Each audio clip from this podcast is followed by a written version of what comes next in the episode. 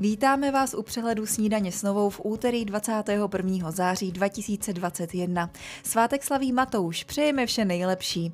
A pojďme se podívat, jak dnes bude. Čekáme oblačno až zataženo místy přechodně polojasno, ojediněle se slabým deštěm nebo mrholením. Nejvyšší teploty vystoupají k 12 až 16 stupňům, v tisíci metrech na horách bude kolem 7. Hygienici včera potvrdili 489 nakažených koronavirem a očkovaní, kteří už mají minimálně 8 měsíců po druhé dávce, se mohou hlásit ke třetí.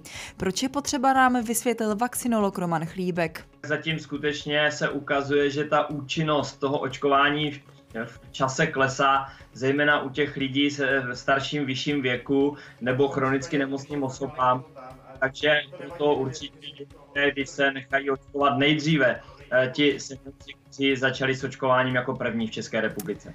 Velká část tepláren už začala topit. Zima bude ale pro Čechy poměrně drahá. Kromě elektřiny a plynu zdraží totiž také uhlí, a to až o tisíce korun. Mohou za to vyšší ceny emisních povolenek, komplikace v dopravě a samozřejmě i počasí.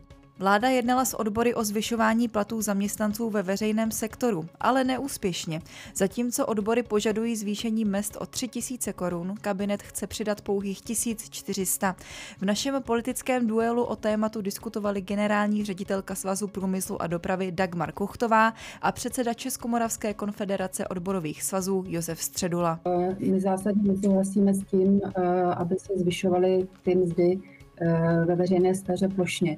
Eh, určitě nemáme nic proti navýšení platů učitelů nebo eh, lidí, kteří pracují v záchranném systému, ale plošné navýšení je podle našeho názoru chybný krok a rozvírá tím ještě více nůžky mezi mzdami ve soukromém sektoru a ve veřejném sektoru. Je zajímavé, že se k tomu vyjadřuje svaz průmyslu, který vůbec není eh, předmětem toho vyjednávání. To je vyjednávání mezi zástupci zaměstnanců a zaměstnavatelem, což je stát.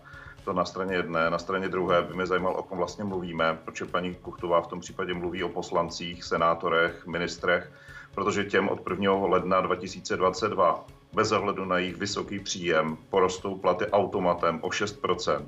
A těm chudákům zaměstnancům, kteří mají například ty příjmy kolem 20, 21, 22 tisíc korun hrubého za rok 2000, 20. Takže tady eh, si myslím, že si vůbec neuvědomuje ani svaz průmyslu, o kom, o kom tady je vůbec řeč. Láva vytékající ze sopky na kanárském ostrově La Palma už zničila přilehlou oblast. Záchranářům se podařilo evakuovat tisíce obyvatel bez obětí na životech. Erupce nejaktivnějšího vulkánu na španělském souostroví mohou podle odborníků probíhat i několik týdnů. A ještě pojďme na sport. Fotbalisté Barcelony remizovali v poslední minutě na domácí půdě s Granadou. Stav skončil 1-1. Barcelona je tak po pátém kole španělské fotbalové ligy v neúplné tabulce sedmá a Granada sedmnáctá. A jako první české tenistky se dnes na WTA v Ostravě představí Tereza Martincová a Kateřina Siniáková. V pavouku pak figuruje ještě Petra Kvitová. Naopak Karolína Plíšková, Barbara Krejčíková a Karolína Muchová se z turné ze zdravotních důvodů odhlásili. Z úterního přehledu snídaně s novou je to vše. Více informací se dočtete na webech TNCZ a TN Live.